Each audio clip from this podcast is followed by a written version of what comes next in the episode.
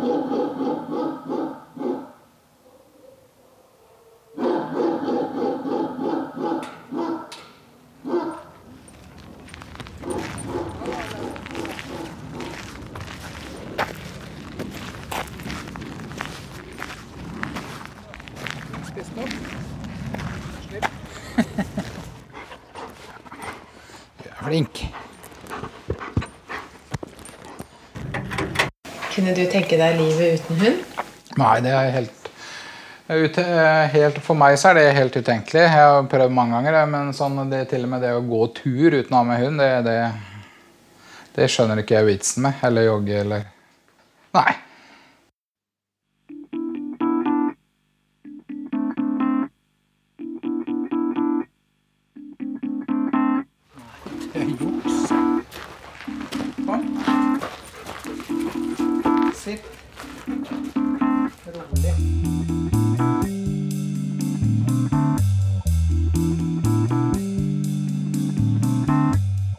Jeg heter eh, Dag Jansen og er 48 år. Jobber ved Forsvarets hundeskole som instruktør, og stillinga mi nå heter mestersersjant. Så har jeg jobba i hundetjenesten siden 1988, så det er vel snart 30 år. For å begynne med begynnelsen. Jeg kommer fra en familie med, som har drevet oppdrett av schæferhunder. Så det, det, er jo en genetisk eh, opprinnelse på interessen. Var født i Kristiansand, men eh, vokste opp i Skien. Og da kjøpte foreldra mine et hundepensjonat på slutten av 70-tallet. Og det var et, da et familieprosjekt. Og da skulle vi drive vanlig hundepensjonat og oppdrett av schæferhunder og dachs. Så i 83 så var jeg på Da var jeg jo 15 år, da. Og på et instruktørkurs på Forsvarets hundeskole som lå i Drøbak den gangen. Da Da fant jeg ut når jeg var 15 år at her, der skulle jeg jobbe, da. Så jeg begynte på befalsskole på Heistadmoen. Så fikk jeg søkt meg til hundeskolen da, på plikttjeneste. Og siden har jeg tilhørt hundetjenesten. da.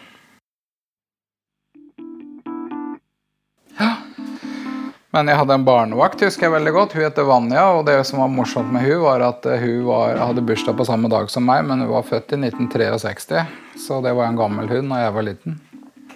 Så det er sånn man husker. Og hun passa på. Så det, det var jo Mange syns schæferhunder er skumle fortsatt, men de var vel skumlere før. Så hvis en fikk besøk, og sånn, så måtte en passe på å sette inn hunden først. Og så lukke opp døra, da. Der eh, hjemme hos meg så var det sånn hvis du ble bitt av hunda, så var det jeg som fikk kjeft. da. Og sånn var det når jeg begynte på hundeskolen. Og nå er det jo, er det jo slik at hvis vi får sånne bittskader og sånn på, så er det jo rapporteringer og HMS og som bare det. Men før så fikk vi vite at det må du tåle når du er i hundetjenesten. Må tåle å bli bitt.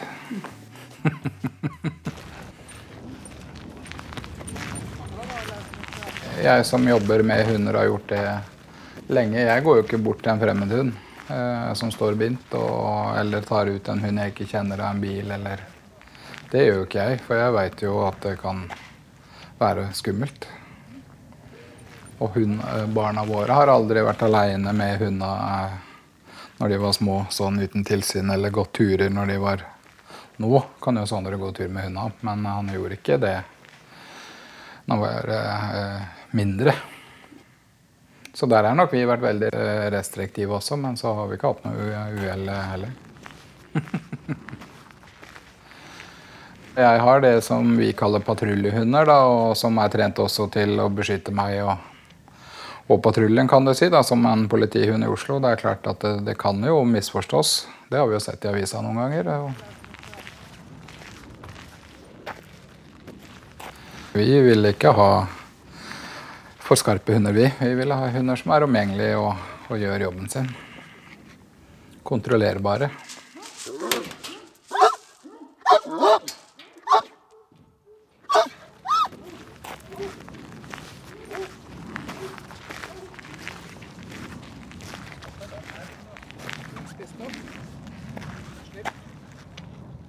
Ja, jeg er faglig leder eh, for eh, hele hundetjenesten. Og da er jo liksom, vi har en sjef som er offiser, jeg er jo sersjant. Det er jo et nytt opplegg.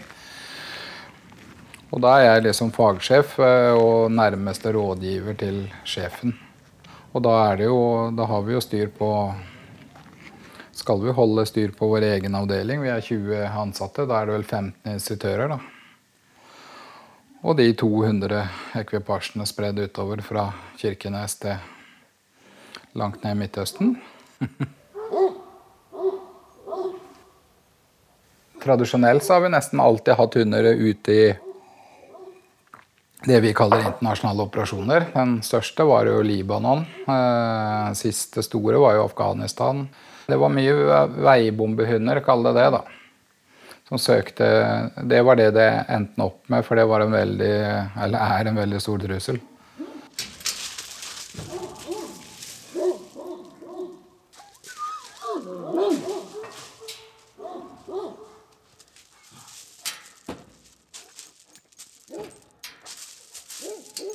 Vi har en mental test av hundene når vi tar det inn. Det er det første vi gjør. Det å, å sjekke hos veterinær.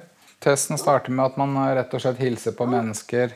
Kaster ball, leker med fille. Eh, litt situasjoner som kommer litt brått på, for å se hvordan hun takler overraskende ting.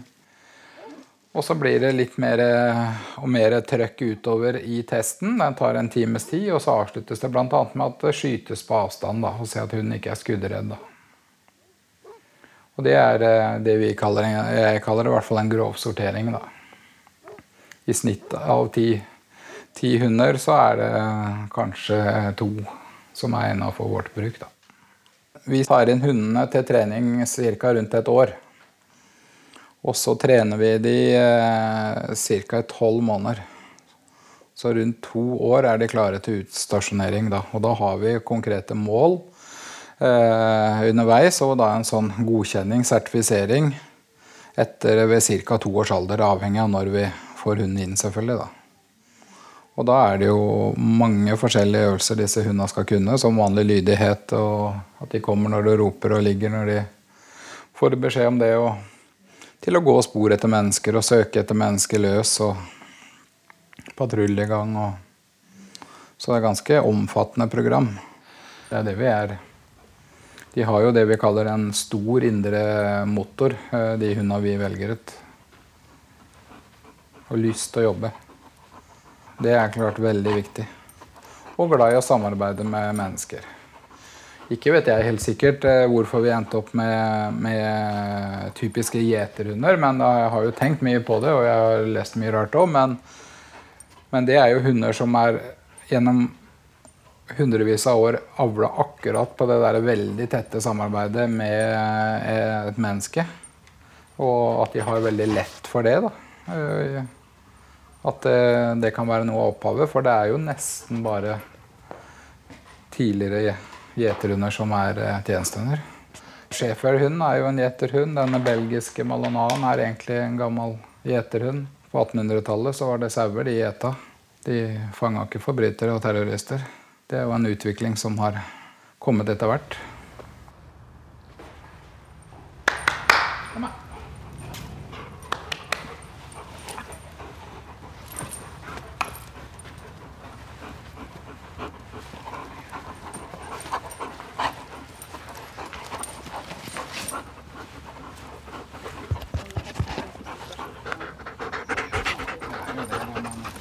For det er jo litt mer fiskere.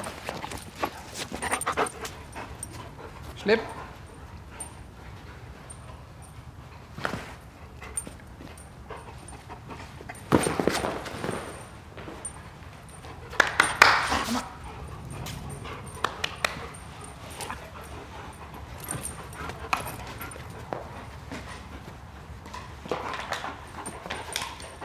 Dette med positiv forsterkning det kom jo for fullt på 90-tallet, vil jeg si. når eh, jeg husker jo at det var mer 'jeg vil, du skal' og mer bruk av tvang og straff eh, i hundetrening eh, også. Og vi ser jo som masseproduserer at du får veldig mye mer igjen for en hund som har lyst og gjør alt man kan for å tilfredsstille både seg selv og hundeføreren, enn en som gjør det fordi at han skal. Den tida er forbi, håper jeg, da. Så det er jo mange, mange typer trening eh, og sånne ekstreme miljøer. Da. Hunder hopper jo fallskjerm. Da, for det første må du ha dette riktige individet som er eh, mentalt sterk nok til å tåle det. Og så må du finne metoder som gjør det lystbetont. Da. Og jeg har sett hunder som sitter i frø og hyler fordi at de gleder seg til å hoppe ut. Så det, da kan du lure. Jeg gjør ikke det. En minesøkshund som søker etter miner som har ligget, ligget 30 år i bakken, eh, det er ganske fin, eh, finarbeid, det. Du gjør bare én feil. Og de tror at de leiter etter ballen sin hele tida. Tenk det. For det er jo denne gummiballen eh, som vi bruker å, gjemme for de først. Og alt går jo på mindre og mindre, mindre biter av en sånn en. Og så legger vi det sammen med forskjellige eksplosive stoffer. da, Ett og ett. Så disse hundene våre tror at de leter etter gummiballer overalt. I hodet sitt, da. så legger man da eh, en sånn gummiball sammen med TNT, f.eks., og så eh, og så får hunden da belønning eh, når han finner. Og så tar man bort denne delen av gummiballen, og så kjører bare på stoffet. da. Du kommer langt på en uke. Og så går det nytt nytt type eksplosiv. Også. Eller narkotika. Eller dette er jo ikke komplisert egentlig i det hele tatt. Bortsett fra at du må være veldig nøye. Da. Og viktig å vite hva du skal leite etter. For dette òg er jo så skummelt blitt, for det forandrer seg jo hele tida. Så vi har jo sånne lister med aktuelle ting å søke etter.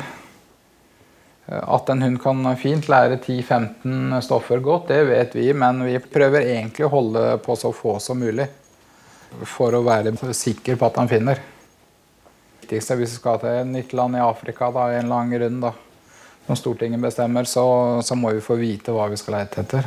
Og få hjem ting så man kan trene på det før det drar ut. Som regel så er det jo en lang prosess, men noen ganger så er det jo veldig kort òg. Det er jo avdelinger som står på 48 timers beredskap. For det er vårt ansvar eh, å melde de operative. En sånn fra de i verste fall får melding om nå skal dere reise hit eller dit. Da.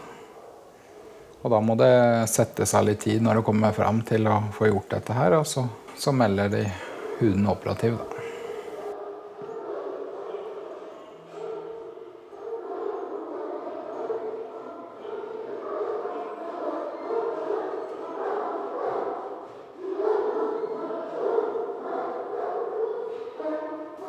Vi tror også vi er så heldige eh, at vi, vi får lov til å velge ut uh, våre egne folk også. Det er ikke sånn at du får ti soldater og vær så god. De også er selektert etter søknad og intervju og fysiske tester. Når vi tildeler hundeførere, intervjuer vi dem jo. Og fordeler hunder litt etter hva de kunne tenke seg, og hva slags erfaringer de har. For det å få en ekvipasje til å matche, som skal jobbe over flere år, det er veldig viktig. Sånn at eh, å prøve å, å, få kjemien til å stemme. Noen vil ha store hunder og små hunder og viltere og intense. Og noen vil kanskje ha en mer erfaren hund og synes det er, er interessant. Og min erfaring, som har vært ute på tropp i åtte år, har vært troppssjef på Rygge og Ørlandet eh, og hatt 100 hundeførere. Det er jo også at du skal bytte hvis det ikke virker. Selv om det kan være litt vondt og vanskelig for vedkommende. Så. Og du ser jo det hvis de går hver sin vei og de ikke er opptatt av hverandre og samarbeider godt. Da. Så kan det være rett og slett mismatch. da. Det må sies, det er jo ikke alle som har, eh, får dette til noen gang, om de vil aldri så mye. For det er litt sånn talent òg. Det er akkurat som jeg aldri bør gå ut på dansegulvet heller. ikke sant? Trene hund, det får jeg til, da, i hvert fall innenfor det jeg driver med. For det er jo noen du må skuffe også, som har så lyst, men de får det bare ikke til. De har ikke timing på belønning. De ser ikke om hunden eh, går spor eller eh, lukter noe med vinden. ikke sant? Og de greier ikke lese hunden, for det er jo det alt det handler om. Det er rett og slett å lese hunden. Eh, det er jo en sensor, kall det det. Biologisk sensor. Og det er jo noen av oss som greier å lese disse dyra, og noen gjør det ikke. Og det er jo ikke noe gærent. Det er bare sånn det er. Det er jo noen som ikke er gode til å lese andre mennesker òg. oi, oi,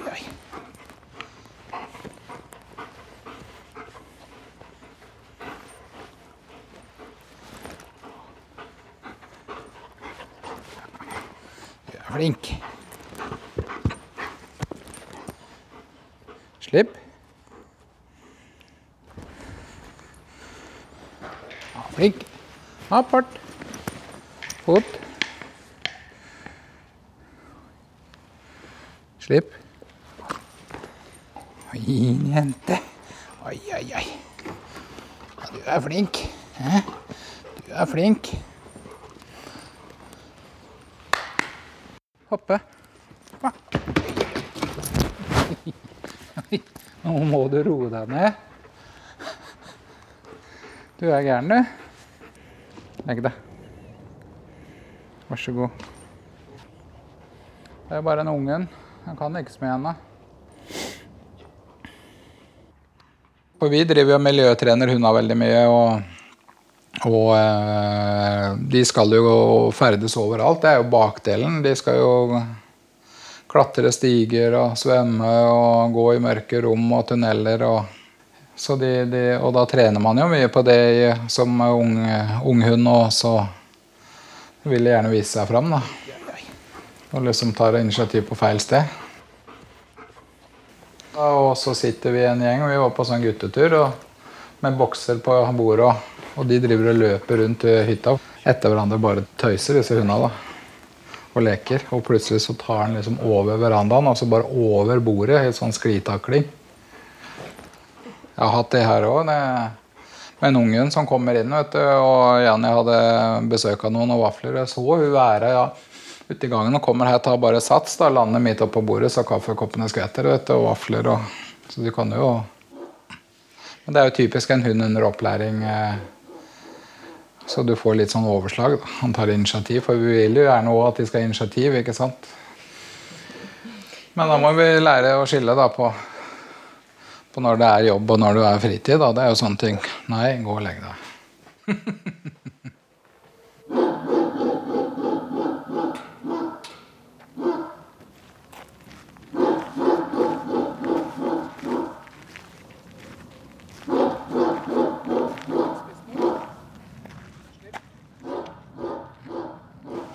Nei, men ja, hvis vi lærer en hund å angripe, så er den til å angripe mennesker, da. Og det er jo noen hunder som kan, ja. ja, ja.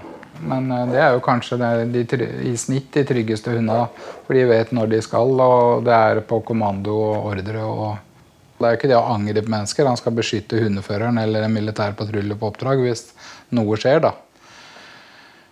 Men så er det jo kontrollbiten vi er opptatt av. At de eh, f.eks. slipper når du sier 'slipp' og 'kom hit' og elementære ting. Det er ikke vanskelig med, med rette hund å lære noe hvite. og det er, noe, det er, veldig lite skummelt, faktisk. Eh, for den hunden som er eh, trent, den har du jo også kontroll på. Vi lærer det å slippe. Men det er den minst viktige delen av vår trening. Det er min eh, påstand. Vi er først og fremst en sensor. Det hjelper ikke at hunden kan bite noen på kommando hvis ikke du finner dem. Og Forsvaret har veldig mange andre maktmidler enn en hund. Det prøver jeg å predikere. Så eh, det er mye viktigere at de kan gå spor eh, herifra til Ørje, for å si det sånn, enn at de absolutt skal bite den de finner.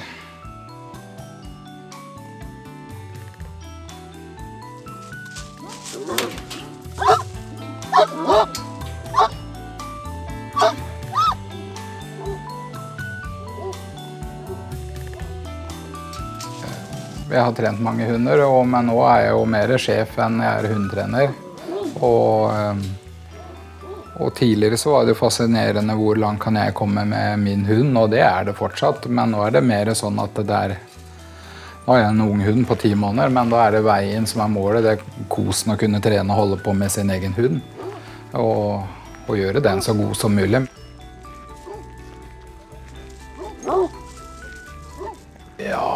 Hunder så har det, det har jo vært uhell og skader og sånn som Det er jo nesten verre det når hunden skader seg enn folk. Det er ikke lov å si det, sikkert. Men det hender jo. Vi hadde en sånn veldig uheldig um, en hvor en hund uh, rett og slett uh, under trening brakk ryggen. Han falt, falt ned en skrent og Og det er jo sånn helt det er jo veldig trist. Selvfølgelig veldig trist for føreren. Og, og, selvfølgelig en kjempegod hund. da. Og sånt skjer jo, da. Men uh, det blir jo mest blest om hvis hundene skader noen. Men uh, det er heldigvis sjeldent. Det er også sjeldent at det, at det er store uhell med hundene òg, men det hender jo, selvfølgelig. Akkurat som bilulykker. Det, det, det er jo en risikofylt uh, bransje. Uh, man gjør jo ekstreme ting.